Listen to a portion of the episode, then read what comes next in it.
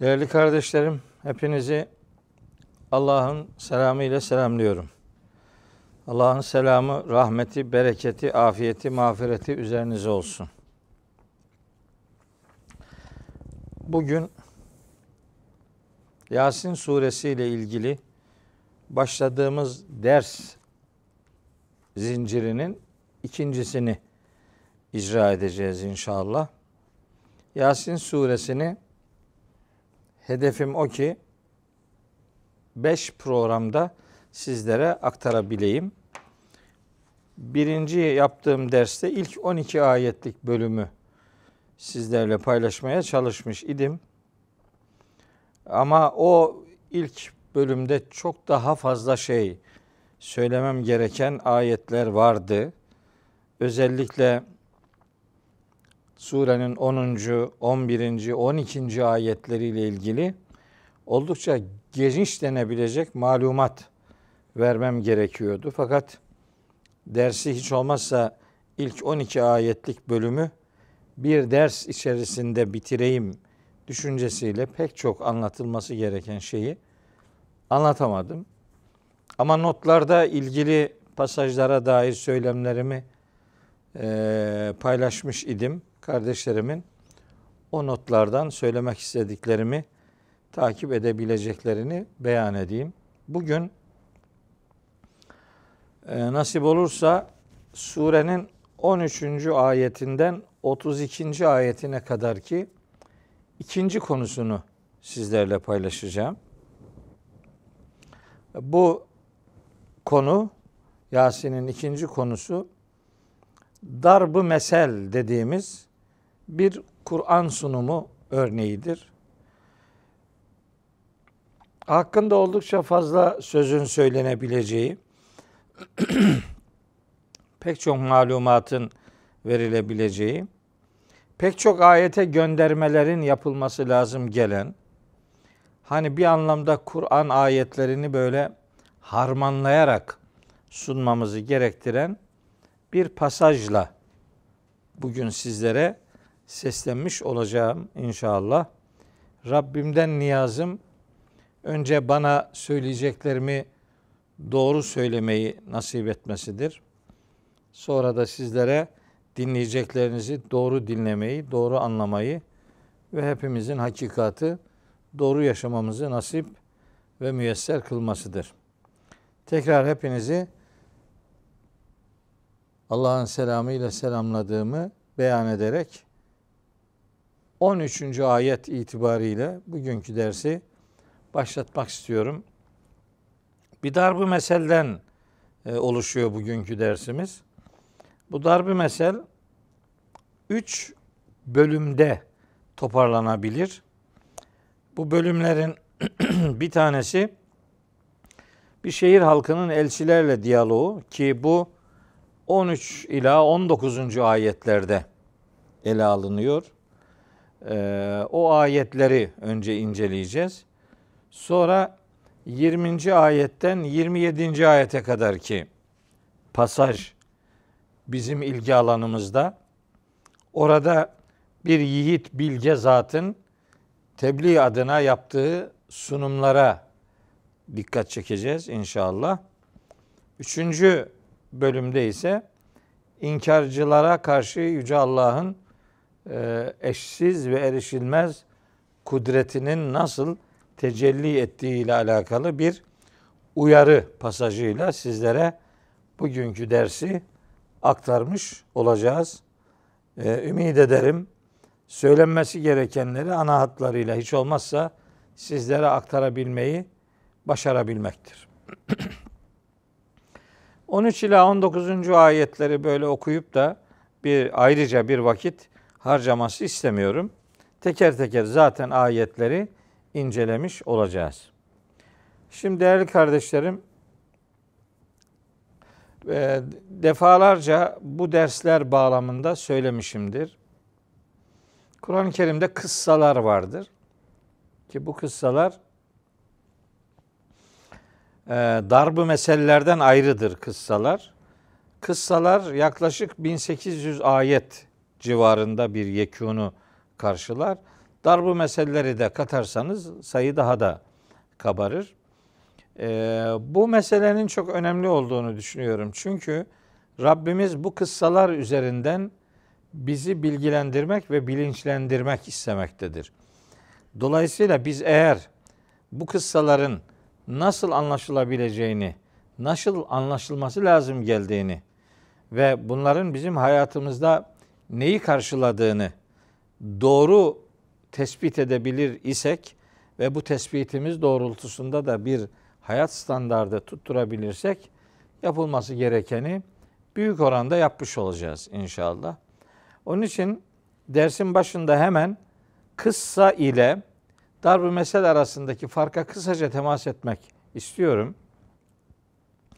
Kıssalar e, Kur'an-ı Kerim'de geçmiş milletlerin bir bölümünün ve önceki peygamberlerin yine bir bölümünün ibret, ders içerikli olacak şekilde hayat kesitlerinden böyle makaslayarak sunmaya kıssa denilir. Fakat bu kıssalar mutlak surette yaşanmış gerçeklerdir. Bunda tereddüdümüz yok. Darbu meseleler ise mutlaka gerçekleşmiş olması şart değildir. Darbu meseleden maksat bir misal vermektir. Bu misal olmuş olaylardan da verilebilir. Olması muhtemel olaylardan da verilebilir. Dolayısıyla darbu meseleler kesin olarak gerçekleşmiştir demek durumunda değiliz. Bunlar gerçekleşmiş olabilir de olmayabilir de. Mühim olan buradaki derse ve mesaja, ibrete dikkat çekebilmektir. Sözün burasında bir e, noktaya daha çok kısaca temas edeyim. Kur'an-ı Kerim'in kıssaları bir defa tarih değildir. Çünkü tarih bir şeyin tarih olabilmesi için e, yer, şahıs isimleri ve zaman göndermesi yapmak gerekir. Yer, şahıs ve zaman göndermesi olmayan sunumlara tarih denmez. Yani Kur'an kıssaları tarih değildir ancak tarihe ışık tutarlar. Kur'an kıssaları hikaye de değildir. Kur'an'da hikaye yoktur. Bunu anlatırken insanlar bazen dilleri sürçerek işte Hz. Musa'nın hikayesinde şöyle anlatılıyor falan derler. Hayır. Hz. Musa'nın hayatıyla ilgili Kur'an'da anlatılan şeyler hikaye değil. Onlar birer kıssadır ve mutlak surette gerçekleşmiş hakikat unsurlarıdır. Onun hayatından ortaya konulmuş bir takım ibret içerikli kesitlerdir. Darbu mesel kullanımları e, çok büyük oranda zaten darabe ve mesel kelimeleri kullanılarak yapılır.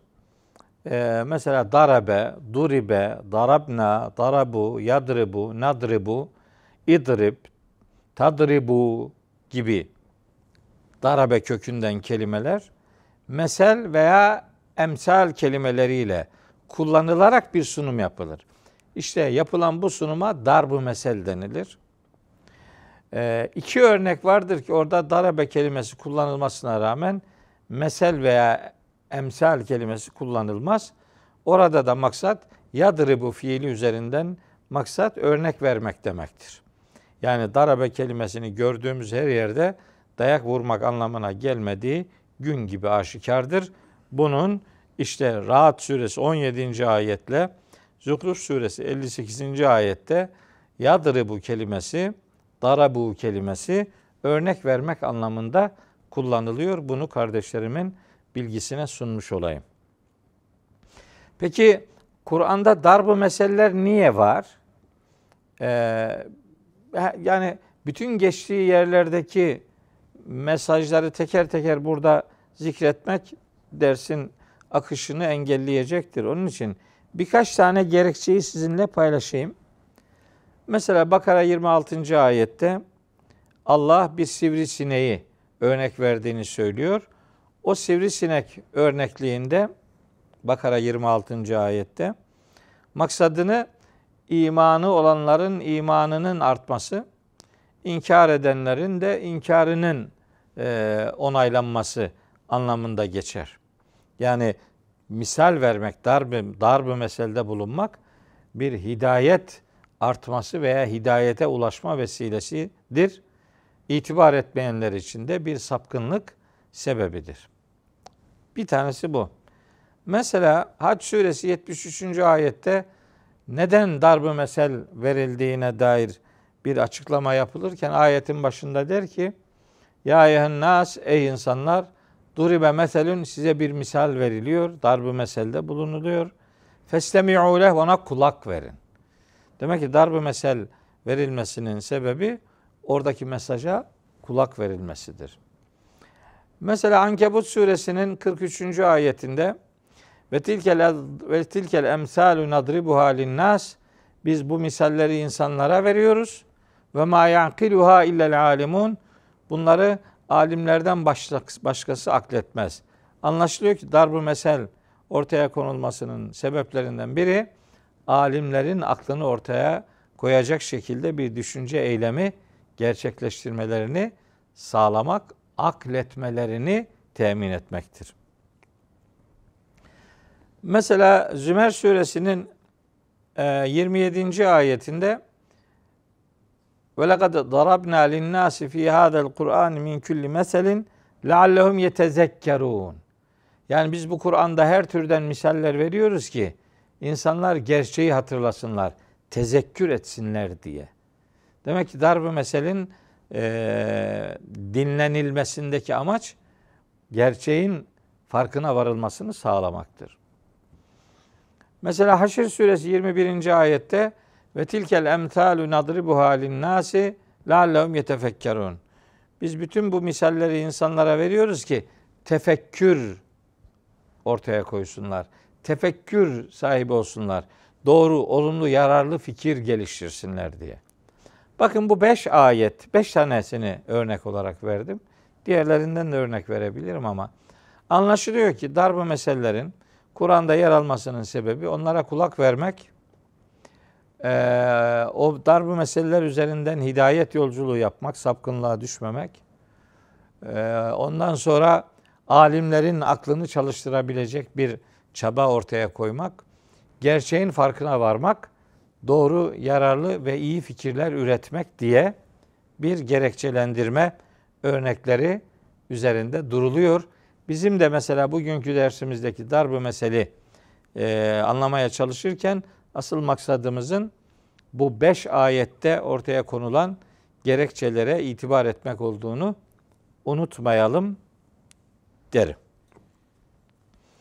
Evet şimdi bu böyle tabi bu bilgiyi verme durumundaydım. Çünkü yani bu detay gibi gelebilir. Bazılarına işte bunlara gerek yoktur gibi bir şeyler de söylüyorlar ama yani e, çok gerekli değil bütün e,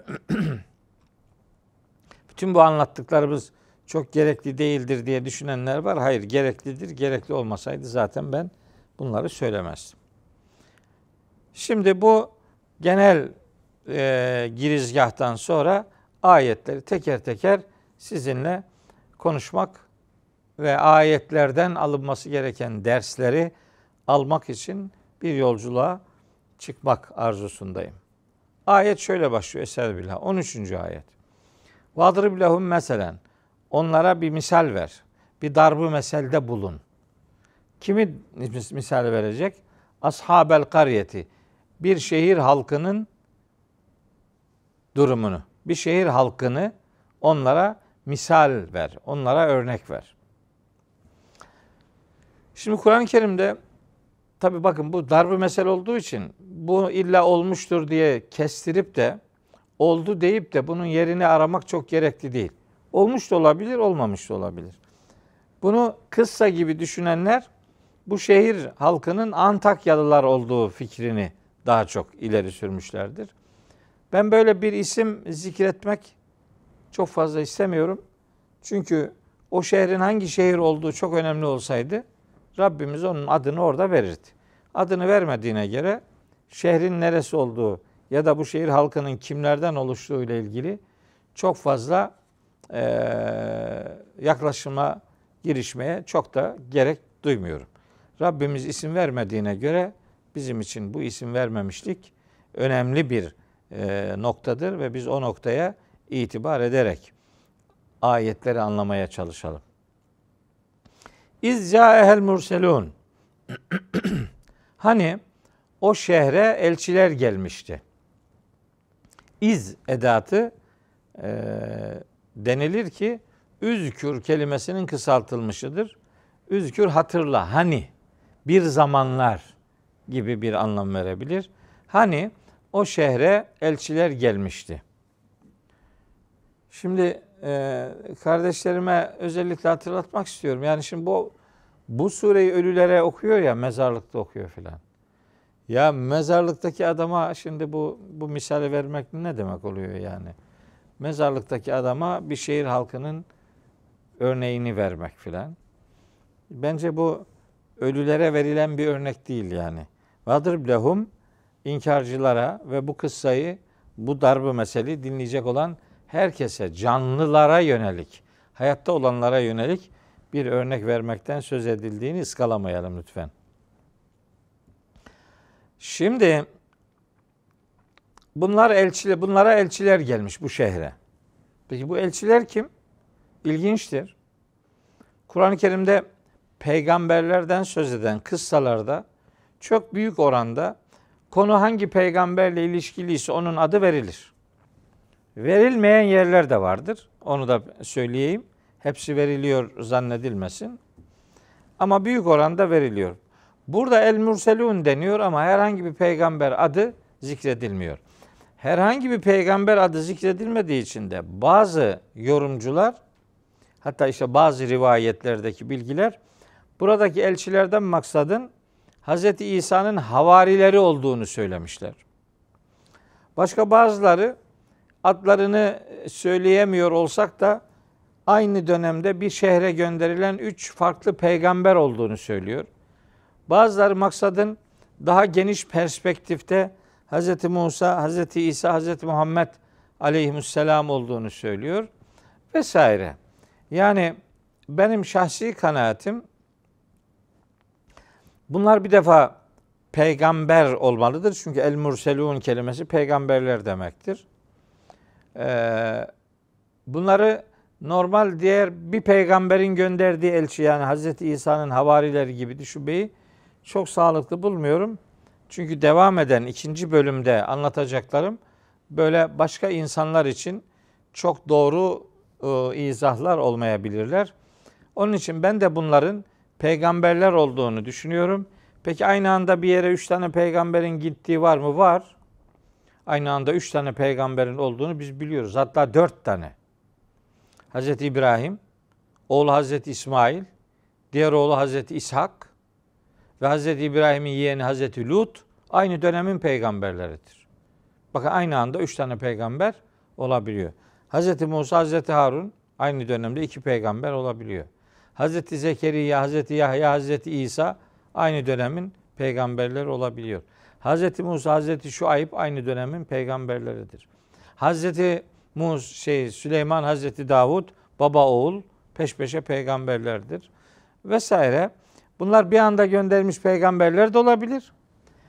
Farklı zamanlarda gönderilmiş peygamberlerin kıssaları bir anda yaşanmış da öyle toplu bir sunum yapılıyor da olabilir. Yani farklı dönemlerde gönderilmiş peygamberler aynı tebliğ ilkelerini ortaya koydukları ve benzer tepkiler aldıkları için bunlar farklı zamanlarda yaşamış ama kıssaları, örneklikleri, darbu meseleleri bir anda yaşanmış gibi de sunulmuş olabilir. Nitekim şimdi çok vakit almasın diye ayetleri de, çok detaylı bir şekilde okumayacağım ama not alanlar için söyleyeyim. Açıp bakabilirler. Araf suresi 94 ila 102. ayetlerde böyle genel ifadeler kullanılır. Ve ma arsalna fi qaryetin min nebiyyin illa ahazna ehleha bil be'sai ve darra'i leallehum yaddarraun. Sümme beddelna mekane seyyiyetil hasenete hatta afe ve kalu kad messe abâene darra'u ve serra fe ahaznâhum bagteten ve la yeşurun. Yani bunlar her şehre peygamber, nebi gönderdik ki işte kavimlerine şöyle şöyle durumlar yaşandı. onlarla ilgili o peygamberlerin hangilerinin olduğunu söylemiyor.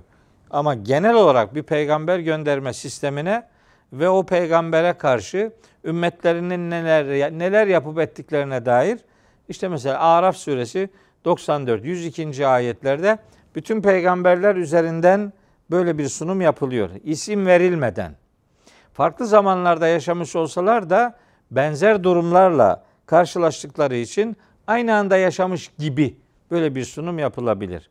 Benzer bir durum İbrahim suresi 9 ila 18. ayetlerde vardır. Açıp okuyabilirsiniz. Benzer bir durum Sebe suresi 31-35. ayetlerde vardır. Benzer bir durum Fussilet suresi 14. ayette vardır. Ayrıca Tegabun suresinin 5, 6, 7. ayetlerinde vardır. Fecir suresinin 11 ve 12. ayetlerinde vardır. Neyi söylüyorum? Söylemek istediğim şu. Peygamberler aynı tebliğ ilkelerini kavimlerine iletmişlerdir ve peygamberlerin hemen hemen tamamı aynı tepkilerle karşılaşmışlardır. Dolayısıyla onların farklı zamanlarda, farklı coğrafyalarda görev yaptıkları esnada yaşadıkları enstantaneler bir anda yaşanmış gibi de sunulabilir. Bunun dediğim gibi işte 6 sureden aktardığım örneklerde olduğu gibi Kur'an-ı Kerim'de e, bakabileceğimiz farklı versiyonları vardır. Kardeşlerimin o noktada dikkatini çekmek isterim. Bunların peygamber olmayan diğer insan elçileri olduğu görüşünü çok itibarlı görmediğimi beyan edeyim. Bunlar farklı peygamberler olabilir. Aynı anda bir şehre gönderilmiş üç tane peygamber olabilir ya da farklı zamanlarda gönderilmiş peygamberler aynı anda gönderilmiş gibi de sunulmuş olabilir. Evet. 13. ayetle ilgili söyleyeceğim bu. Şimdi devam ediyor e, Rabbimiz. Buyuruyor ki 14. ayette. İz erselna ileyhim üsneyni. Onlara o şehir halkına yani iki peygamber göndermiştik. İz. İz hani demek yani bir zamanlar. Erselna biz gönderdik. İşte o biz gönderdik ifadesi buradaki elçilerin peygamber olduğunun bir göstergesidir. İşte iki peygamber gönderdik. Fakat fekezzebuhuma onlar o iki peygamberi de yalanladılar. Feazzezna bisalisin. Bunun üzerine biz bir üçüncüyle o iki peygamberi ve onların davasını destekledik. Fekalu peygamberler o şehir halkına gidip dediler ki inna ileyküm murselune. Biz size gönderilmiş elçileriz dediler. Tekrar ediyorum. Bu üç peygamber aynı anda bunu söylemiş olabileceği gibi farklı zamanlarda söylenmiş olan bir gerçek bir anda söylenmiş gibi de sunuluyor olabilir. Bunun ikisi de birbirinin aynı durumdur. Herhangi bir zihin karışıklığına girmeye gerek yok. Ee, şimdi iki peygamber gönderildi, üçüncüyle desteklendi. Biz peygamberlerin hayatında böyle bir peygamberin diğeriyle desteklenmesi örneklerini biliyoruz. Mesela Hz. Musa Cenab-ı Hakk'a dua ediyor. Ya Rabbi işte Taha suresinde geçiyor, Kasas suresinde geçiyor, Nemil suresinde geçiyor. Hatta şu Ara suresinde de geçiyor. Yani Ya Rabbi işte Harun'a da elçilik ver diye dua ediyor. Kasas suresinde Allahu Teala buyuruyor ki: "Kale sene şuddu adudeke bi ahike." Kardeşinle senin pazunu destekleyeceğiz. O Kasas 35'teki neşüddü destekleme ifadesi bu şimdi Yasin 14. ayetteki feazzezna ifadesini bu fiili karşılayan bir tefsir örneği olduğunu böylece sizlere ifade etmiş olayım. Burada belki bir şey daha söylemek gerekir. O da e, bugüne dair hani ders çıkaracağız ya. Bugüne dair bundan ne çıkarabiliriz? Şunu çıkarabiliriz. Demek ki peygamber göndermede Allahu Teala sistemi devam ettirerek bir önceki peygamberin risalet öğretilerini bir sonrakiyle desteklediğini beyan edince bize de şunu söylemek istiyordur muhtemelen. Siz de bir gerçeğin izini sürüyorsanız onu takip edin, peşini bırakmayın. Yani bir defa dedin diye hemen vazgeçme, ikinciyi de söyle. Olmadı üçüncüyü de söyle. Ee, yani davanı sahipsiz ve takipsiz bırakma yani. Bu bize bunu öğretir. Ortada yeni peygamber gelmeyeceğine göre biz bu ayetten bizi yalanlasalar bile tebliğimize devam etmeliyiz. Gerekiyorsa yanımıza yardımcılar almalıyız. Davamızı desteksiz ve güçsüz, kuvvetsiz bırakmamalıyız. Bu 14. ayetten güne dair böyle bir sonuç elde edebiliriz. Zaten Allahü Teala da bu tür e, durumlarda davasını kendisinin de destekleyeceği beyanını bize iletmiş oluyor. 15. ayeti okuyorum. Şimdi elçiler şehir halkına biz size gönderilmiş elçileriz dedikten sonra şehir halkı o elçilere tekrar ediyorum. ister aynı anda verilen cevabı düşünün, ister farklı zamanlarda verilmiş aynı içerikte olan cevap olduğunu düşünün. Fark etmiyor yani. Kalu şehir halkı demişler ki ma entüm illa beşerun misluna. Siz var ya siz sadece ve sadece bizim gibi birer beşersiniz. Ya da siz bizim gibi birer beşer olmanın dışında başka bir şey değilsiniz. Peygamberlerin beşer oluşunu dile getiriyorlar ama bunu aslında bir alay konusu ediniyorlar yani. Alay ediyor. Siz, siz ne var yani? Siz sizin bizden ne farkınız var ki yani? Bu peygamberlere söylenmiş bir alay cümlesidir. Kur'an-ı Kerim'de bunun çok fazla örneği var. Cidden yani e, dolusuyla örneği var. İşte Hazreti Nuh, Hazreti Hud, Hazreti Salih, Hazreti Şuayb, Hazreti Peygamber gibi bütün peygamberlere böyle siz de bizim gibi bir beşersiniz. Ne üstünlüğünüz var ki yani? Yani siz, niye siz peygambersiniz gibi böyle bir karşı çıkış ifadesi dile getirmişler ve bunu söylerken de cümle vurgulu bir ifade tekniğiyle gelmiş. Kalu ma entüm illa beşerun misluna. Siz bu bu cümlede ma ile illa edatı aynı cümlenin içinde gelince vurgulu bir mana verir bu. Siz de bizim gibi bir beşer olmanın dışında hiçbir şey değilsiniz. Siz e, yani hepi topu bir beşersiniz. Başka da bir şey değilsiniz demeye getiriyorlar. Risalet boyutunu peygamberlerin risalet boyutunu kabul etmiyorlar. Nitekim kabul etmediklerini de devam eden cümlede zaten dile getiriyorlar. Ve ma enzeler rahmanu min şeyin. Zaten Rahman hiçbir şey indirmemiştir. Ha, Rahman hiçbir şey indirmemiştir ne demek? Siz peygamber değilsiniz. Birinin peygamber olmadığını söylemek aynı zamanda onun yalancı olduğunu söylemektir. Eğer bir peygambere sen peygamber değilsin diye bir tepkide bulunuluyorsa onun zorunlu sonucu olarak peygamber değilsin yani yalan konuşuyorsun. İşte ayetin sonunda da o cümleyi getirmişler. İn entüm illa tekzibun. Siz sadece yalan konuşuyorsunuz. Gene burada da böyle vurgulu ifade var. İn illa edatları vurgulu mana verir. Hatta bir önceki cümlede ve ma enzeler rahmanu min şeyin. Ma bir cümle böyle ma ile başlar olumsuzluk edatıyla başlar da devamında bi veya min cer harfleri gelirse hiçbir şekilde demektir yani. Ve ma enzeler rahmanu min şeyin. Yani Rahman hiçbir şey indirmemiştir size. Olduğu gibi yalan konuşuyorsunuz diye. Onların bu tür suçlamalarının bir benzeri bir peygambere Hz. Musa'ya yönelik olmak üzere En'am suresinin 91. ayetinde geçer. İzgalu ma enzelallahu ala beşerin min şeyin. Demişlerdi ki Allah hiçbir beşere hiçbir şey indirmemiştir. Hazreti Peygamber'i de suçluyorlar.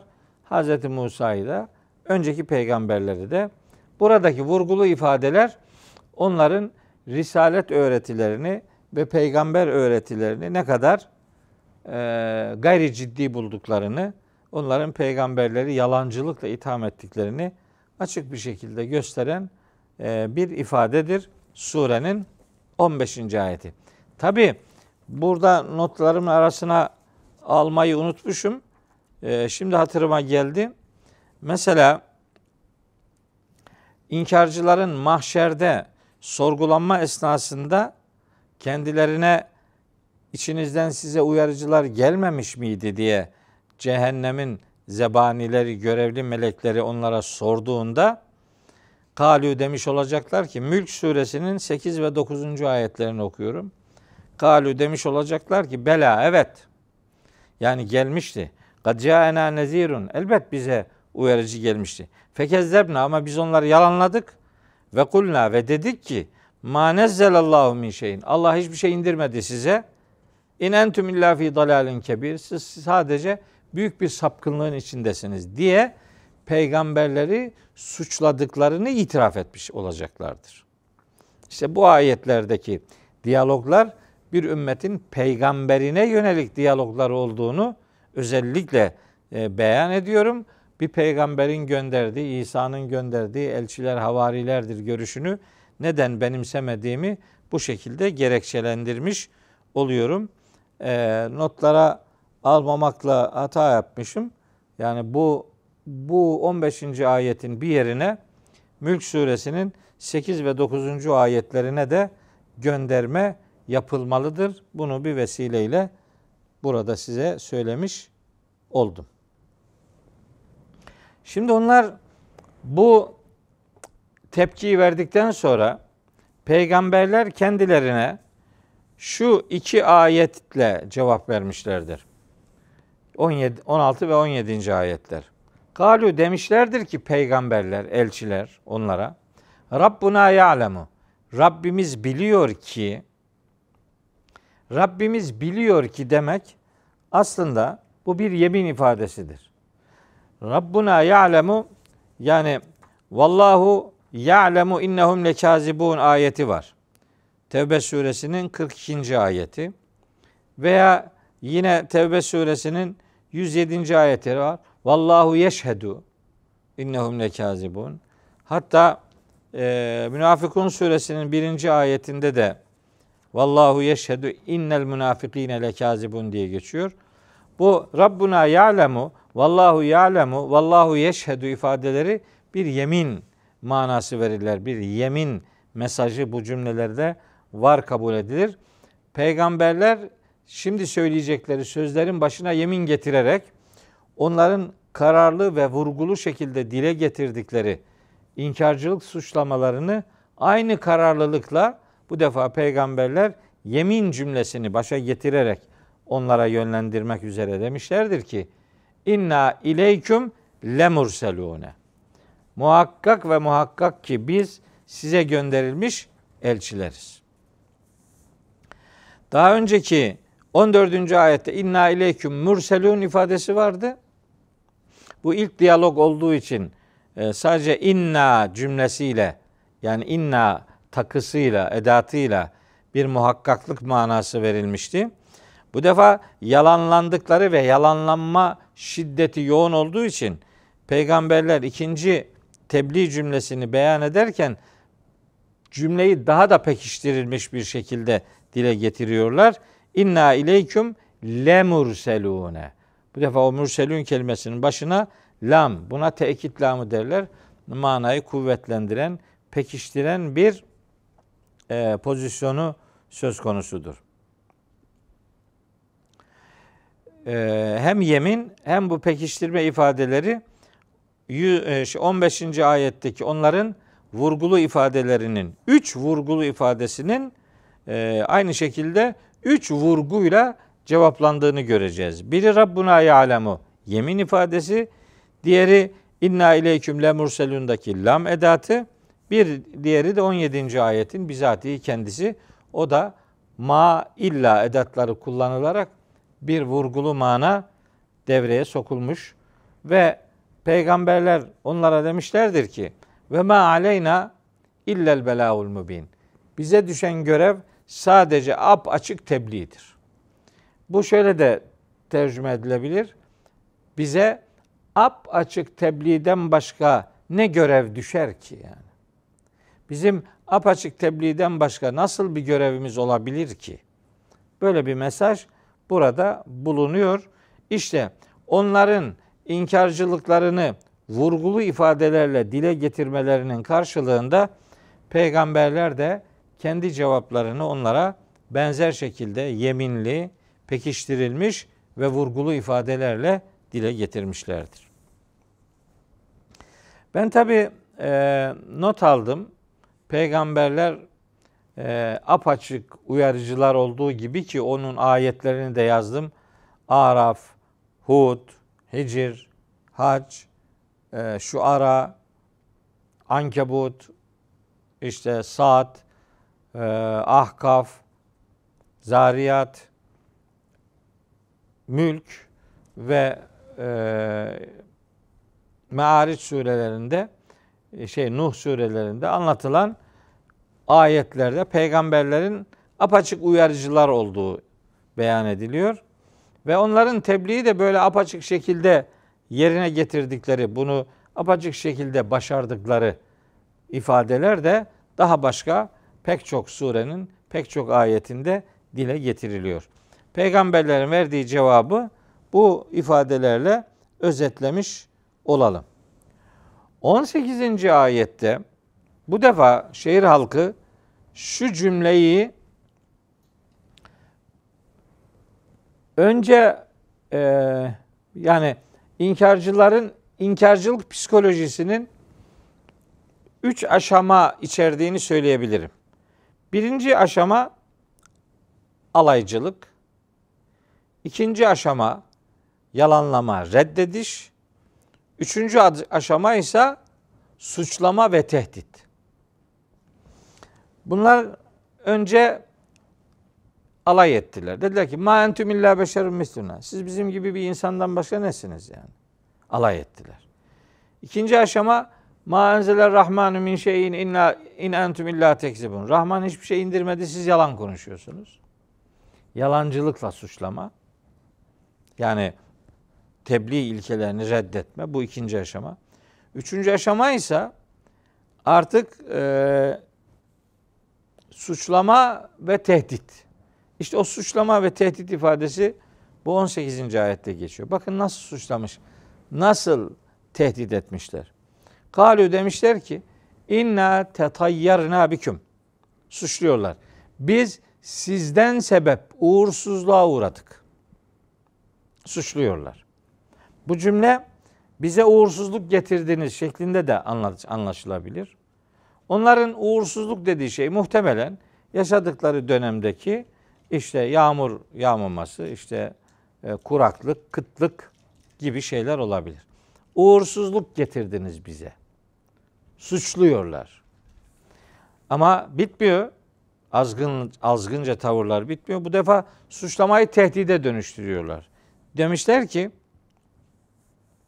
hani ben bunlar peygamberdir diyorum ya laf olsun diye söylemiyorum. Bu benzer suçlamaların e, Nemil suresi 47. ayette Hazreti Salih'e yönelik Semud kavmi tarafından dile getirildiğini biliyorum. Ayrıca İsrailoğullarının da benzer bir suçlamayı Araf suresi 131. ayette Hazreti Musa'ya yönlendirdiklerini biliyor.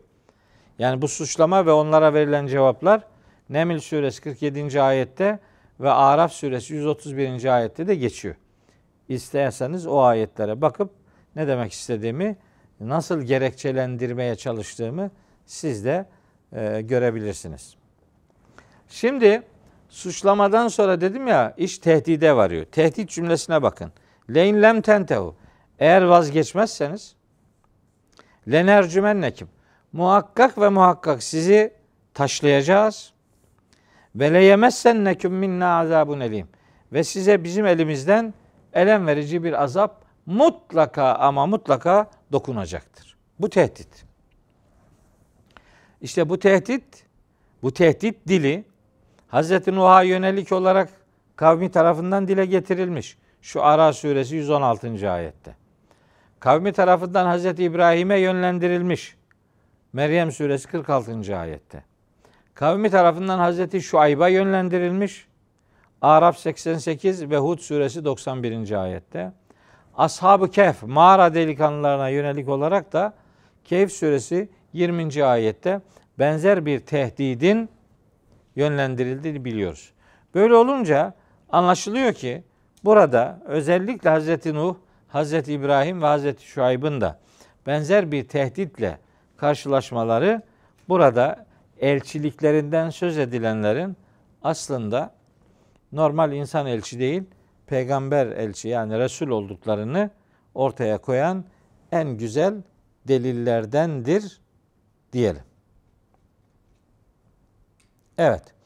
19. ayet yani bu darbu meselin 3 ana kodu olduğunu söylemiştim. İşte o 3 ana kodun birinci bölümü bu 19. ayetle bitiyor. 19. ayette de elçilerin şehir halkına siz bizi uğursuzluk sebebi olarak gördüğünüzü ve bizi tehdit ettiğinizi ifade ediyorsunuz. Oysa şimdi cevabı veriyorlar. Diyorlar ki kalu demişler ki tairukum mahkum. Sizin uğursuzluğunuzun sebebi bizzat sizsiniz. Uğursuzluğunun sebebi sizsiniz. Bakın şeyde diyor ki e, Araf suresi 131'de innema tairuhum indallah.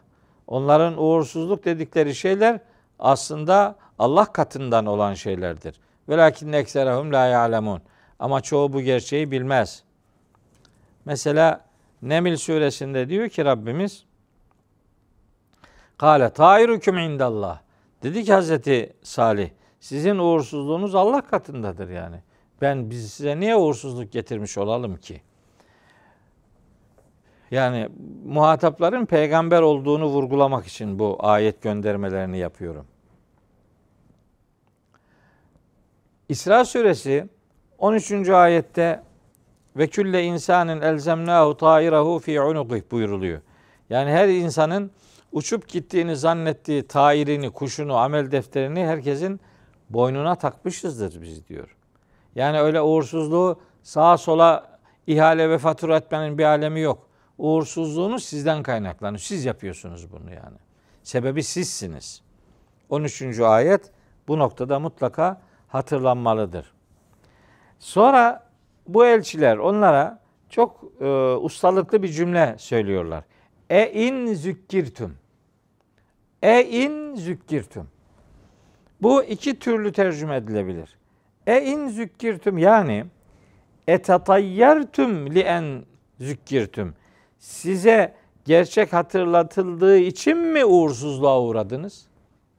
Size gerçekler hatırlatıldığı, size öğüt verildiği için mi e, uğursuzluğa uğradınız? Ya da eyn zükkirtüm size gerçekler hatırlatıldı da mı tetayyertüm uğursuzluğa uğradınız? Yani bu ifade eyn zükkirtüm ifadesinin böyle birbiriyle denk doğru kabul edebileceğimiz iki tür tercüme açılımı söz konusudur. Bunu bu vesile sizlere söyleyeyim.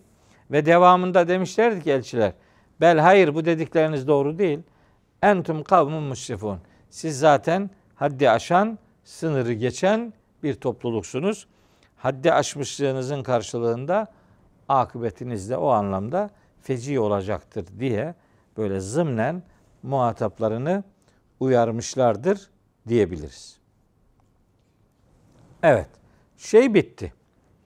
Bu darbu meselenin birinci şeyi yani e, şehir halkıyla elçilerin diyaloğu kısmı bitti. Şimdi bu darbu meselenin ikinci boyutu. Yiğit bilge bir şahıs devrede onun söylemleri başlıyor. 20. ayetten ta 27. ayete kadarki bölüm o yiğit zatın sözleriyle alakalı. Ayetleri teker teker okuyacağım için bütün anlamında hepsini aktarmıyorum ama böyle e, örnek olsun diye yazmıştım. 20 ila 27. ayetleri. 20. ayette şöyle buyuruyor Rabbimiz. Bunu iyi e, takip etmenizi özellikle istirham ederim. Şunun için buradaki tercümede de bir sorun olduğunu düşünüyorum. Nasıl bir sorun? Ee, ayet şöyle diyor Rabbimiz Estağfirullah. Ve ca'e raculun ve ca'e min aksal medineti raculun yes'a. Ee, el Medine şehir demek yani. Şehrin aksasından e, koşarak bir adam geldi. Şimdi Aksal Medine ne demektir? Yani evinizde açın, meallerinize bakın. Ya da bizim telefon uygulamamız var Kur'an okuyan diye. Telefonlarınıza indirebiliyorsunuz bedava. Ee, web sitemiz var Kur'an okuyan adıyla. Ee, oradan da istediğiniz surenin, istediğiniz ayetine pek çok dipnotlarda düştüğüm o versiyonunu çok rahat bir şekilde kullanabilirsiniz. Kardeşlerim onu takip etsinler diye hazırlamış ve internet ortamına koymuştuk. Elhamdülillah yüz binlerce kardeşimiz ondan istifade ediyorlar. Ee, bu dediklerimi oradan da takip edebilirsiniz. Şimdi burada ince bir durum var. Şimdi diğer mealleri açıp baktığınız zaman bu ayetin tercümesi olarak şunu göreceksiniz. Ve cae min aksal medineti raculun yes'a. Şehrin ta öte ucundan bir adam koşarak geldi diye. Şehrin ta öte ucundan. Aksal medine, aksa uzağı da yani. Şehrin uzağından, öte ucundan bir adam koşarak geldi. Ben burada e, koşarak gelen zatın şehrin öte ucundan koşup geldiği kanaatinde değil. Bu zat şehrin öte ucundan filan gelmiyor. Elmalılı merhum Hamdi Yazır'ın da dediği gibi bu zat aslında şehrin ileri gelenlerinden biri demektir. Çünkü söyledikleri öyle şehrin ta öte ucağından e, işte marangozluk yapan biriydi. Hatta Allahu Teala tabi adını vermemiş olmasına rağmen bizim kitaplarımızda bu zatın adı Habibi Neccar diye bilinir. Ama ayette böyle bir isim olmadığı için ben de Habibi Neccar ifadesini yazmıyorum. Çünkü ayette böyle bir isim yok. Niye e, niye öyle yazalım ki? Her peygamberin tebliğ davasında böyle yiğitler çıkmıştır zaten. Şimdi biz bunu farklı dönemlerin peygamberlerine karşı bir e, eylem olarak düşündüğümüzde Musa Aleyhisselam'ın zamanında racülün müminün diye bir yiğit adamdan söz ediliyor. Hazreti İsa'da var, Hazreti Nuh'da var, bütün peygamberlerde var. Bizim peygamberimizde de Hazreti Hamza gibi bir yiğit var yani.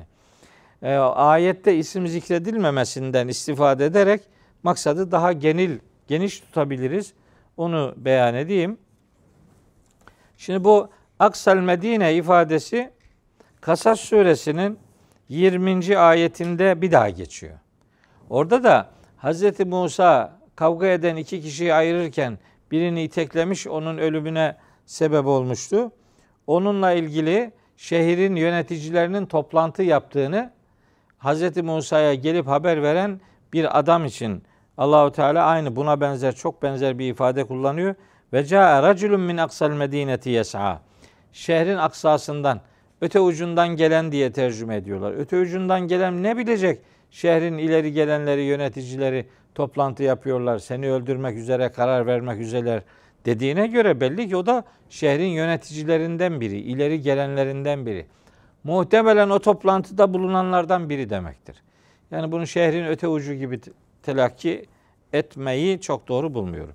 Şehrin ileri gelenlerinden biri ki bu ifadeyi, bu yorumu da merhum Elmalılı Hamdi Yazar'a borçlu olduğumu, Rabbimin onu da diğer müfessirlerimizi de rahmetine katmasını dua ve niyaz ediyorum.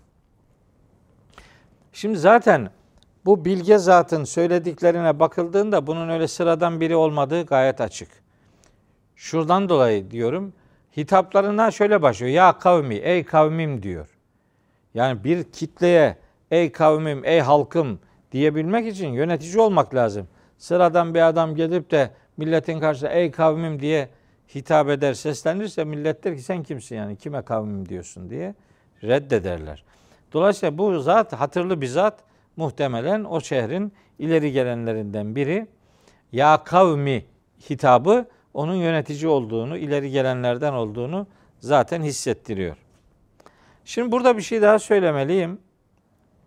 Şimdi ayet ve ca'e min aksal medineti raculun şehrin ileri gelenlerinden biri geldi. Ca'e geldi demek. Bu ca'e fiili geldi manasını vermesine rağmen ayetin devamında bir de yes'a fiili var. Koşarak. Ha, buradan anlaşılıyor ki durum acil. Hz. Musa'yı uyaran örnekte olduğu gibi durum acil. Anlaşılıyor ki hakikati anlatmak için yatmak, beklemek uygun olmaz. Bazen gitmek, hakikati sizin bir başkasına götürmeniz gerekir. Gitmeniz gerekir.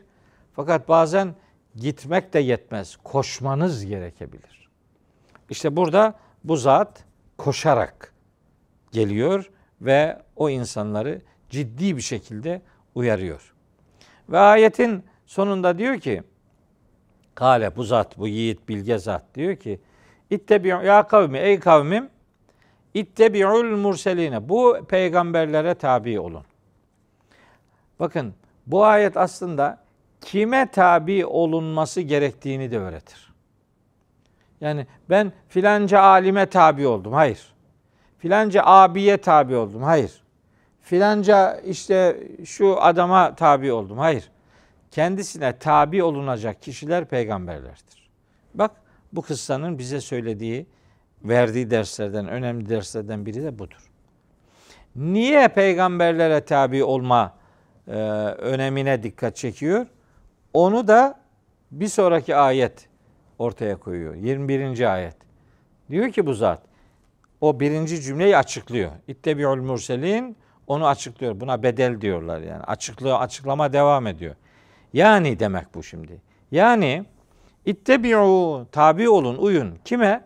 Men la yeselüküm ecren. Sizden hiçbir ücret istemeyen bu adamlara uyun. Hiç, hiç kimseden ücret istemiyor. Dahası ve hum muhtedune. Hidayet üzere olan bu elçilere uyun. Demek ki bir adamın uyulabilir olması için muhataplarından ücret almaması lazım. İki, hidayet üzere olması lazım. Hidayet üzereliği kesin garanti olan insanlar sadece peygamberlerdir. Bunu unutmayın. Diğer her insan her an kayabilir. Belli olmaz. Dün iyidir, bugün zıvanadan çıkmış olabilir. Onun için ben filancaya tabi oldum. Olma. Tabi olacağın kişi Hazreti Muhammed'dir aleyhisselam. Yani peygamberlerdir. Bu ayetler bunu öğretir. Ee, şimdi kime uyulacakmış? Men la yeselüküm ecren.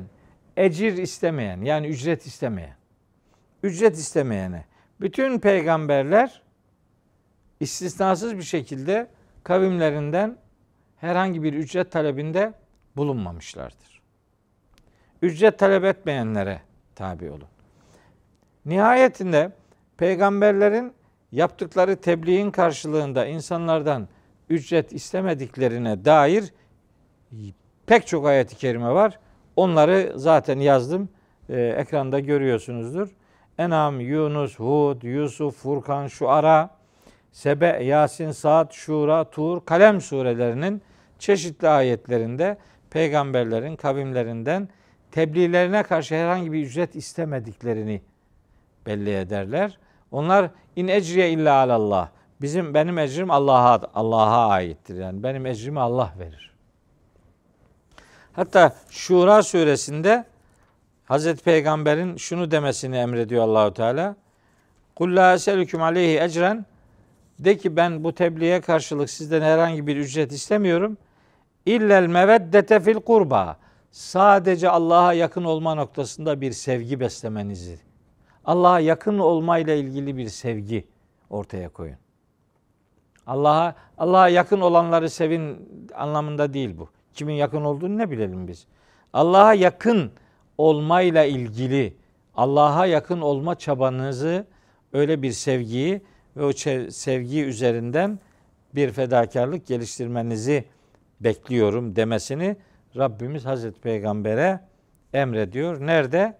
Şura suresinin 23. ayetinde. Bu ayetin tefsirinde bazıları işte ehli beyti sevin diye yorum yapıyorlar. Bu doğru değil. Ehli beyti tabi severiz de ayette maksat odur diye öyle bir şahıslaştırma üzerinden yorum çok sağlıklı değildir. Evet, kendilerine tabi olunması istenen elçilerin iki özelliği var dedik. Biri ücret almamak, diğeri de hidayet üzere olmak. Yani Kur'ani Kur'ani sunumlarda, hakikati dile getirdiği bir sunumlarda herhangi bir ücret istemeyeceğiz. Çünkü aslında ücreti alınan şeyin artık ecri kalmaz. Ecir beklenen şeyden de ücret alınmaz. Biz Rabbimizin e, rızasını kazanmak için yolculuğa çıktığımız bu hayatın içerisinde yaptığımız dini hizmetlerden ilave bir ücret almamalıyız yani. Şahsen ben hiç almam yani almıyorum. E zaten devlette işte üniversitede öğretim üyesiyim. Maaş alıyorum. Yeter. Başka daha ne gerek var? Yazdığım kitaplardan da para almıyorum. Verdiğim konferanslardan da, yaptığım televizyon programlarından da hiçbirinden para almıyorum, almadım. Ee, bunu özellikle ifade etmek isterim. Çünkü bu bir Kur'an ahlakıdır. Şimdi hem Yasin'i oku, hem peygamber ahlakının ücret almamaya endeksli olduğunu buradan öğren. Hem de git para al. Ayıp değil mi yani? Ne kadar ayıp. Program yaptık, para aldık. Almaman lazım yani. Almaman lazım yani. Bu kadar paracılık üzerinden yürürse sözünün hiçbir kıymeti de kalmaz zaten. Para vermezlerse belli ki konuşmayacaksın yani. Para için konuşanın Allah rızası diye bir derdi olmaz. Ecir beklenen şeyden ücret alınmaz. Ücreti alınan şeyin ecri kalmaz. Bunu ben bu ayetten öğreniyorum. Sizinle de paylaşayım istedim. Demek ki hidayet üzereliği kesin olanlara tabi olmak lazım ki onlar peygamberlerdir. Dolayısıyla son peygamber buna, bu manada Hz. Muhammed Aleyhisselam'a tabi olmak tek çıkar yoldur. İzinden gidilecek ve tabi olunacak başka kişiler aramamak gerekmektedir. Evet. Bu çok önemli noktayı sizinle paylaşmış oldum. Ve bu Yiğit Bilge Zat'ın sunumları devam ediyor. Diyor ki kime tabi olacaksınız? Peygamberlere. Bu peygamberlere. Sonra diyor ki çok nefis bir tebliğ ahlakı öğretiyor. Diyor ki bizim bundan öğrenecek çok şeyimiz var yani. Ve maliye la a'budullezî fatarani ve ileyhi turcaun. Bana ne oluyor da neden ben beni yoktan var edenle kulluk etmeyecekmişim. Üstelik siz de hepiniz ona döndürüleceksiniz. Bu ve maliye ifadeleri Kur'an'da birkaç defa geçiyor. Neden ben? Ne, neden ben şöyle yapmayayım? Neden ben şunu demeyeyim? Neden ben şöyle yanlışlık yapayım gibi manalar verir. Bu maliye ifadesi aynı zamanda kişinin sahip olduğu düşünceleri zaman zaman e, kritize etmesi, çek etmesi, kontrol etmesi, kendini kontrol edecek, kendini sorgulayacak bir ahlaka sahip olması gerektiğini öğretir. Bu maliye ifadeleri. Ve tebliğin hep muhatap üzerinden değil, kişinin kendisi üzerinden şekillendirmesi de çok önemli bir duyarlılıktır. Çok nefis bir tebliğ ilkesidir. Ve maliye. Neden ben? La a'budullezî fatarani. Beni yoktan var edene neden kulluk yapmayacakmışım ki? Bakın siz neden sizi yoktan var edene kulluk etmiyorsunuz diye bir suçlama ifadesi kullanmıyor. Kendisi üzerinden neden ben beni yoktan var edene kulluk etmeyecekmişim ki diyerek aslında neden siz yanlış bir gidişatı sürdürüyorsunuz? Mesajı var zaten. Ama bunu dile getirirken sizin üzerinizden, karşıdakinin üzerinden yapmıyor bunu. Kendi üzerinden yapıyor. Neden ben beni yoktan var eden o kuvvete, kudrete ibadet etmeyecekmişim ki? Yani siz yanlış yapıyorsunuz. Gelin siz de böyle yapın anlamında dolaylı bir davet vardır. Kendi üzerinden muhataba dolaylı bir davet burada söz konusudur ki bu yiğit bilge zat mesela Rabbimizin fatır sıfatını kullanıyor. Fetara yoktan var etmek demektir. Halakaden farklıdır. Cealeden farklıdır. Enşeeden farklıdır. Fetara kelimesi tıpkı beda gibi yoktan var etmek, örneksiz var etmek manasına gelen bir çekirdeği e, dizayn etme anlamındaki Rabbimizin bir sıfatıdır. E, bu fatır, fatara kelimeleriyle alakalı çeşitli ayet kullanımlarının bulunduğunu e, notlarıma yazdım. Sizin de oradan ilgili nota bakarak hangi ayetlerde geçtiğini görebilirsiniz. Bu fa, fatara, fatır, fıtrat kelimeleri, munfatır kelimeleri hep aynı kökten gelir. Fıtratla yoktan var edilmiş haliyle ilgili bir durum söz konusudur. Bu e, yiğit bilge zat diyor ki ve ile turcaun yani ben hem beni yoktan var edene neden kulluk etmeyecekmişim ve ile turcaun üstelik siz ona döndürüleceksiniz. Arada muhatabın da kendini kontrol etmesi için onun üzerinden de kısa mesajlar vermekte yarar olduğunu bu ayetin tebliğ ilkesi bağlamında hatırlanması gereken bir boyutu olduğunu belirteyim. Devam ediyor yine bu zat. Kendisi üzerinden karşı tarafa mesaj vermek. Yani hem kendi durumunu ortaya koyuyor hem yanlış yaparsa ne olacağına dair dikkat çekiyor hem de karşı tarafa sizin yaptığınız tutumunuz, duruşunuz yanlıştır. Kendinizi düzeltin demeye getiriyor. Bakın ne diyor. Diyor ki bu zat Eettehizu min dunihi aliheten. Ben onun ötesinde, onun dışında, onun altında, onun peşi sıra, onun astında hiç ilahlar edinir miyim? Hiç ilahlar edinir miyim demek, ilahlar edinmem demektir. Bakın siz Allah'ın peşi sıra ilahlar ediniyorsunuz diye onları suçlamıyor. Fakat yaptıklarının yanlış olduğunu kendisi üzerinden dile getiriyor. Onun peşi sıra yani Allah'ın peşi sıra ilahlar edinir miyim ben hiç? Ki in yuridinir rahmanu bi durrin. Bu durumda min dunihi onun peşi sıra, onun altında, onun aşağısında. Bunlar müşrik adamlar. Müşrikler Allah'ı tanımayanlar değillerdir. Allah'ı yanlış tanıyıp Allah'la kendileri aralarına aracılar koyanlara, ortak isnat edenlere müşrik denir. Min dunihi onun peşi sıra, Allah'ın peşi sıra manası veriyor. Diyor ki bu zat, in yuridni rahmanu bi durrin. O Rahman bana herhangi bir zarar vermek isterse, in yuridni değildi bu aslı. Bana murad ederse, o Rahman, bakın Allahu Teala'nın Rahman sıfatını kullanıyor. Niye? Çünkü karşıdakiler e, daha önce okuduğumuz 15. ayette ve ma enzeler rahmanu min şeyin demişlerdi. Rahman hiçbir şey indirmedi diye Allahu Teala'nın Rahman sıfatını kullanmışlardı. Onlar bu yiğit zat da onlara kullandıkları o sıfatı hatırlatarak onun üzerinden aynı ortak kabullerden hareketle e, bir kelime seçiyor.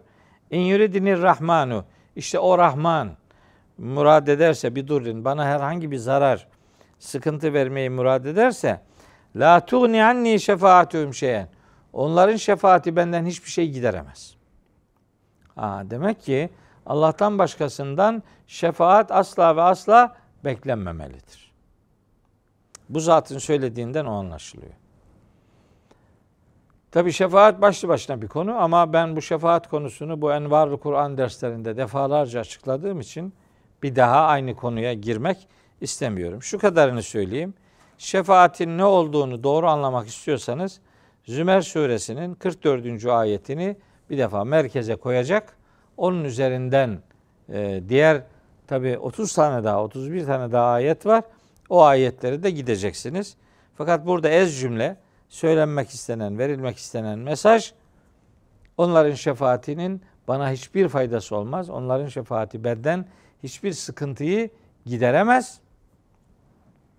Kaldı ki ve la yunqizuni ve la yunqizuneni demekti bu. Ee, kaldı ki onlar beni düştüğüm sıkıntıdan çekip çıkaramazlar, kurtaramazlar. Zaten Allah'tan başkası kimseyi ateş ortamından kurtaramaz. Zümer suresinin 19. ayeti öyle diyor. Efe ente tungizu men finnari. Ateşe girmiş olanı sen mi çekip çıkaracaksın diye başkasının bu noktada hiçbir etkinliğinin olamayacağına Zümer 19. ayette de bu yiğit bilge zatın tebliğ sunumlarında da gönderme yapıldığını rahatlıkla ifade edebiliriz.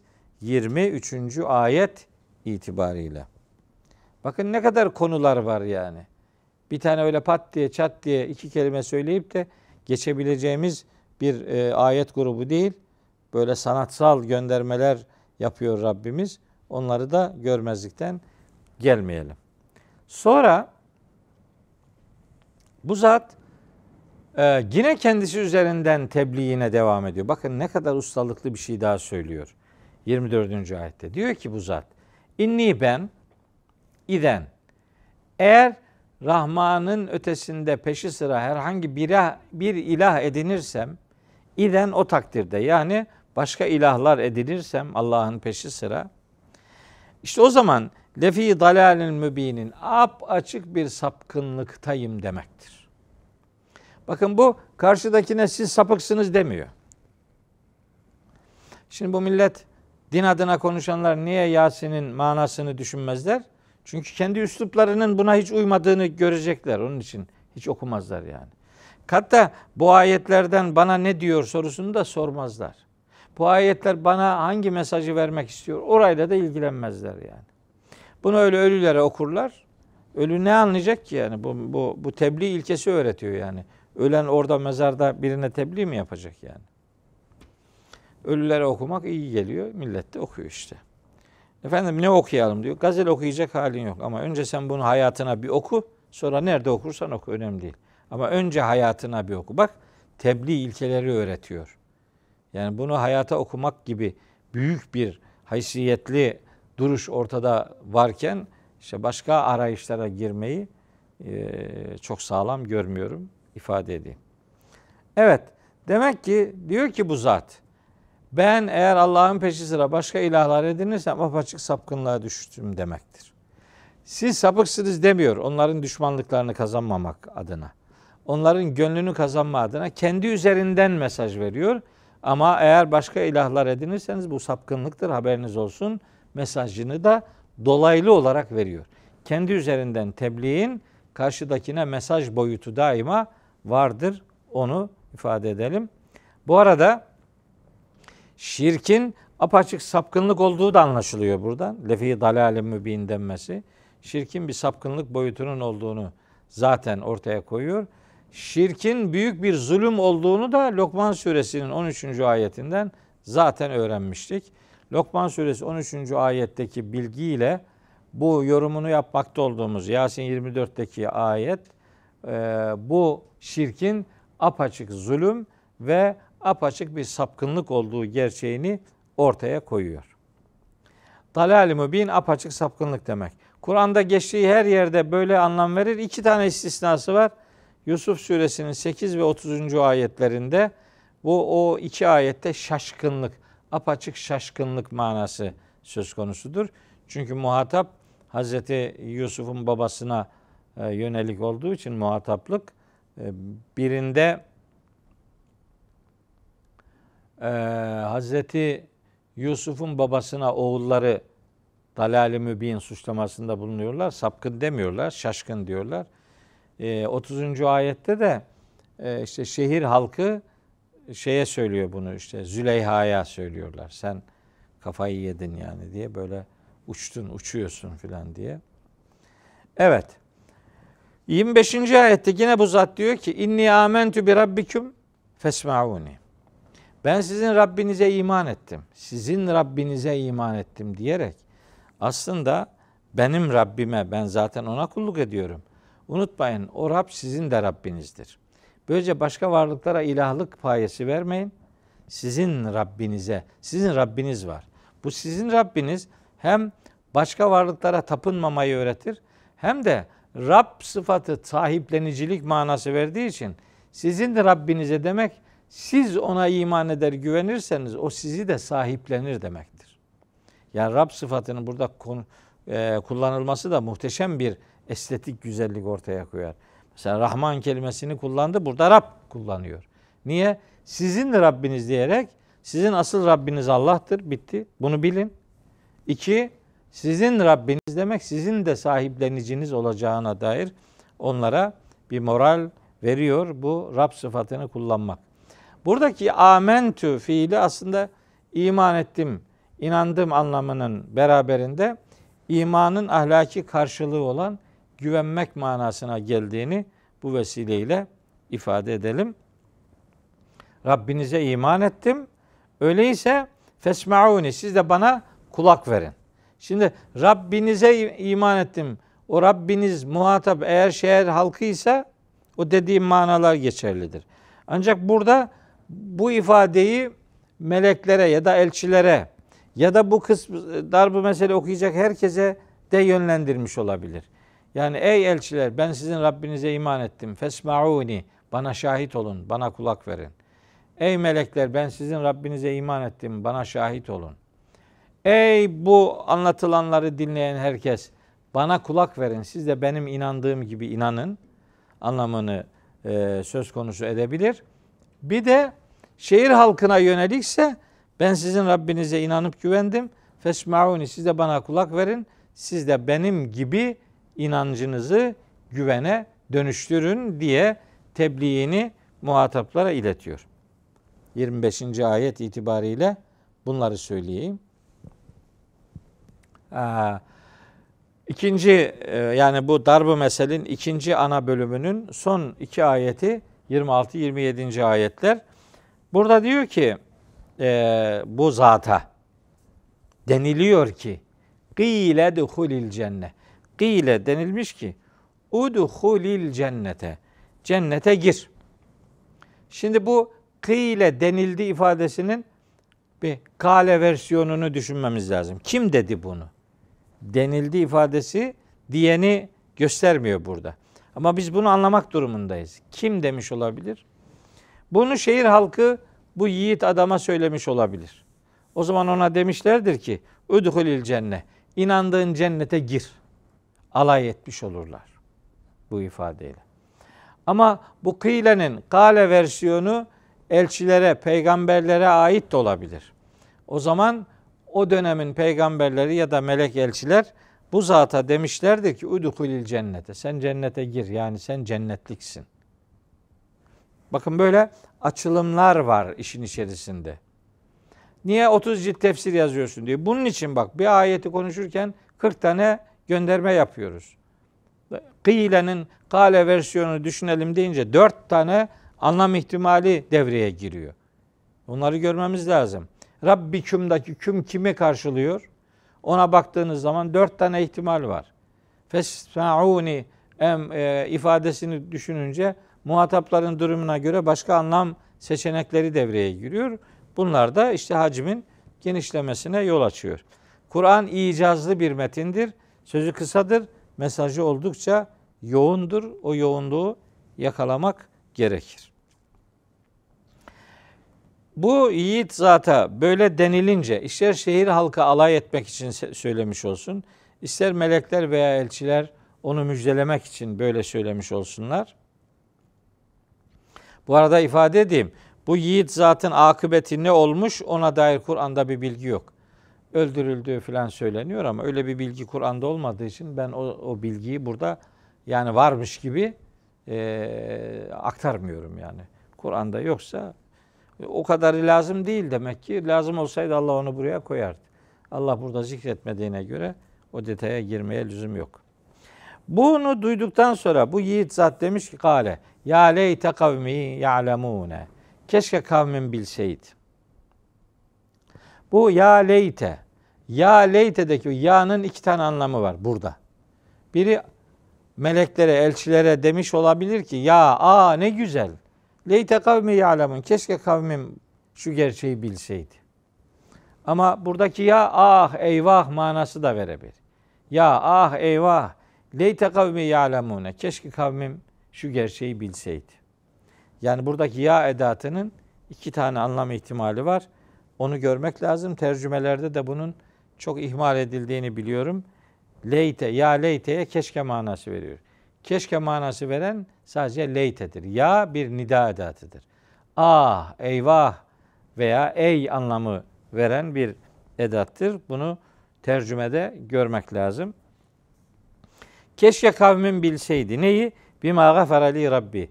Rabbimin beni bağışladığını ve cealeni minel mükremin ve beni ikram edilen kişiler arasına kattığını, ikram edilenlerden kıldığını keşke kavmim bilseydi.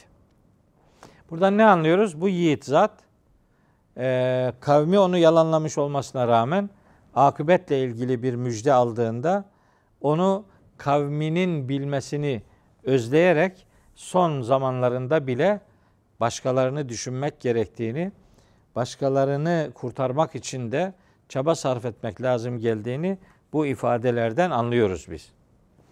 Yani kişi hep kendisi üzerinden yürürse o her zaman hakikat yolculuğu yapmış olmaz. Başkalarını düşünebilmek çok önemli bir erdemdir. Ee, kendi acısını duymak canlılık göstergesidir. Ama başkalarının acısını duymak insan olmanın gereğidir. Tebliğ yapıyorsanız tebliğ yaptığınız insanların durumunu takip edeceksiniz. Onların iyiliğini her zaman düşüneceksiniz. Onlar ne hali varsa görsün deyip de bir kenara itilmemelidir. Böyle bir duruş doğru bir duruş değildir. Evet. Şimdi bu darbı meselenin yani 12. 13. ayetten başlayıp 32. ayete kadar e, bugünkü dersimizin konusu olan darbı meselenin 3. aşaması o da artık 28. ayetten 32. ayete kadar ki kısa bölümdür. Bunun üzerinde çok fazla detaylı bir şekilde durmayacağım. Kısa bazı hatırlatmalarla yetineceğim. 28 ila 32. ayetleri yazdım. 28. ayette şöyle bir ifade var. Artık bu şehir halkının, inkarcı şehir halkının akıbeti nedir? Yüce Allah'ın bu tür e, uygulamalara, bu tür inkarcılığa karşı kendi sünneti nasıldır? Şimdi ayet şöyle. Estağfirullah. Ve ma enzelna ala kavmihi min ba'dihi. Diyor ki Rabbimiz biz o kişiden sonra onun kavmine e, indirmedik. Min cündin herhangi bir ordu indirmedik. Mines semai gökten bir ordu indirmedik. Ve ma künna müzilin zaten böyle ordular indirici de değildik. Böyle ordular indirmeyiz. Ara ara müdahale eder ama ordu indirmeyi gerektirecek kadar ciddi almaz Allahu Teala. Şimdi zaten bir sonraki ayette bunlara bir gürültü yeter, hepsi yere serilir gider diyor. Yani e, verilmek istenen mesaj şu. Bu 28. ayette. İnsanların ortaya koyduğu azgınlıklar göklerdeki orduların harekete geçirilmesini gerektirecek boyuta varamaz yani. Yani sen nesin yani? Cürmün kadar yer yakarsın. Ne abartıp duruyorsun kendini yani? Bir tane gürültü esameni söndürür yani. Bizim böyle bir ordu gönderme geleneğimiz yok diyor. Ordular göndermeyiz. Fakat göklerin ve yerin orduları sadece Allah'a aittir. Bilin ki hiçbir şey Allah kadar güçlü değildir. Onları servis eder veya etmez. Filancaya eder falancaya etmez. Ordu boyutunda etmez ama daha küçük boyutlarda eder. Siz hiçbir halinizle Allah'a üstünlük taslamayın, taslayamazsınız. Fetih Suresi 4 ve 7. ayette göklerin yerin orduları Allah'ındır beyanı var. Ee, Müddessir 31. ayette onun ordularını ondan başkası bilemezler. Ve ma ya'lemu cunude rabbike illahu. Hatta ee, şeyde nerede? Saffat suresi 173. ayette şöyle buyuruluyor. Ve inne cündena lehumul galibun. Muhakkak ki bizim ordularımız galip gelirler yani. O gücünün alt edilemezliğine, e, hükümranlığının erişilmezliğine gönderme yapıyor.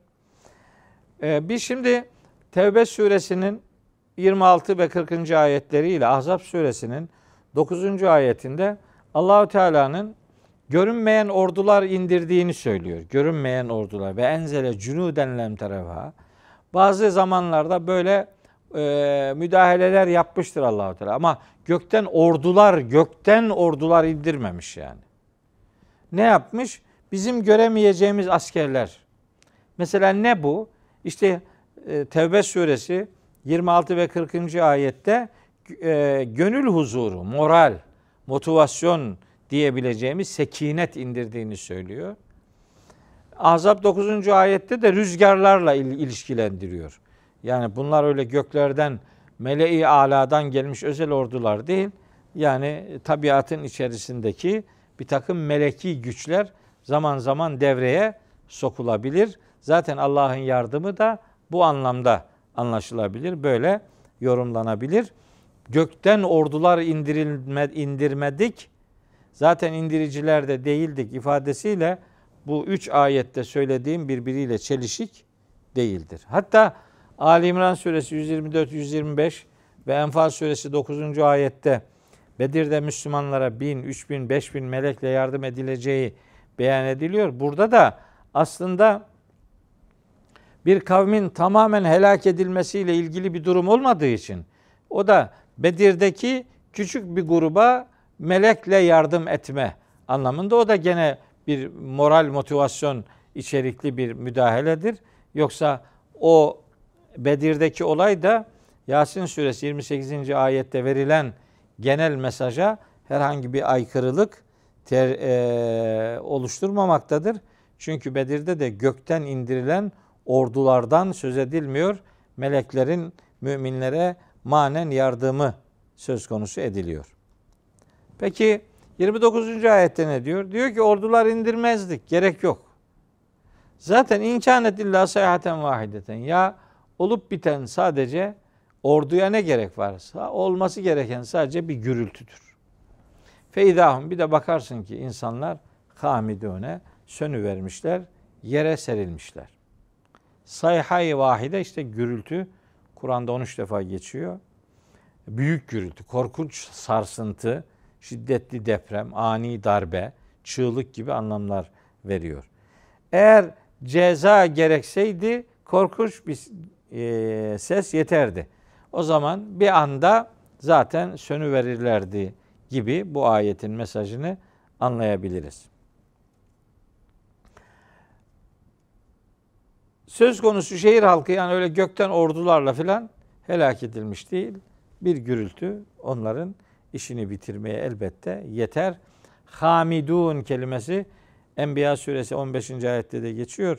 İnsanların sönüp yere serilmesi ve varlıklarını o anlamda grup halinde bütün inkarcıların varlıklarını kaybetmesi anlamında bir ilahi kudret göndermesi içermektedir. Değerli kardeşlerim. Sonra bir uyarı 30. ayette buyuruyor ki Rabbimiz Ya hasreten alel ibad. Ah şu kullara yazıklar olsun, hasret olsun. Hasret çeksinler. Ey hasret gel şu kulları bul demek. Kim hangi kullar bunlar? May etihim min rasulin. Kendilerine hiçbir elçi gelmezdi ki illa kanu bihi yestehziun. O elçilerle alay etmiş olmasınlar. Gelen elçilerle alay edenler bilsinler ki bir hasretin muhatabı olacaklardır. Ey hasret gel. Şunlara hasret olsun. Şunlara yazıklar olsun. Hangi kullar? İşte gelen peygamberlerle, elçilerle alay edip duranlardır. Peygamberlerle alay etme ve bunların feci akıbetiyle ilgili Enam, Ra'd, Hicr, Enbiya, Yasin, Zuhruf gibi surelerde çeşitli ifadeler var. Alaycılığın sonunun felaket olduğu, değerlerle alay edenlerin mutlak surette hasret çekecekleri bu ayette dolaylı olarak vurgulanıyor demektir. Dünyada müminlerle, inananlarla alay edip dalga geçenler, yani alay ekenler mahşerde hasret biçeceklerdir. Burada yapılanlar hiç kimsenin yanına kar bırakılmayacaktır. 31. ayette Allahü Teala buyuruyor ki Elem yarav görmedi mi bu adamlar? Hiç mi haberleri yok? Mekkelilerle ilgili söylüyor. Kem ehlekna qablahum minel kurun. Kendilerinden önce nice nesilleri helak ettik biz. Ki o helak edilenler Mekkelilerden çok daha güçlü. Elem yarav bilmediler mi, görmediler mi, farkında değiller mi, haberleri mi yok, haberleri yok mu gibi anlamlar veriyor. Yoksa böyle biyolojik görmeden bahsetmiyor. Ee, işte mesela Kur'an-ı Kerim'de var. Hakikati yalanlayanların akıbeti nasıl olmuş gezin bakın diye. O ayetlerde de bu ayette de verilen mesaj aynı.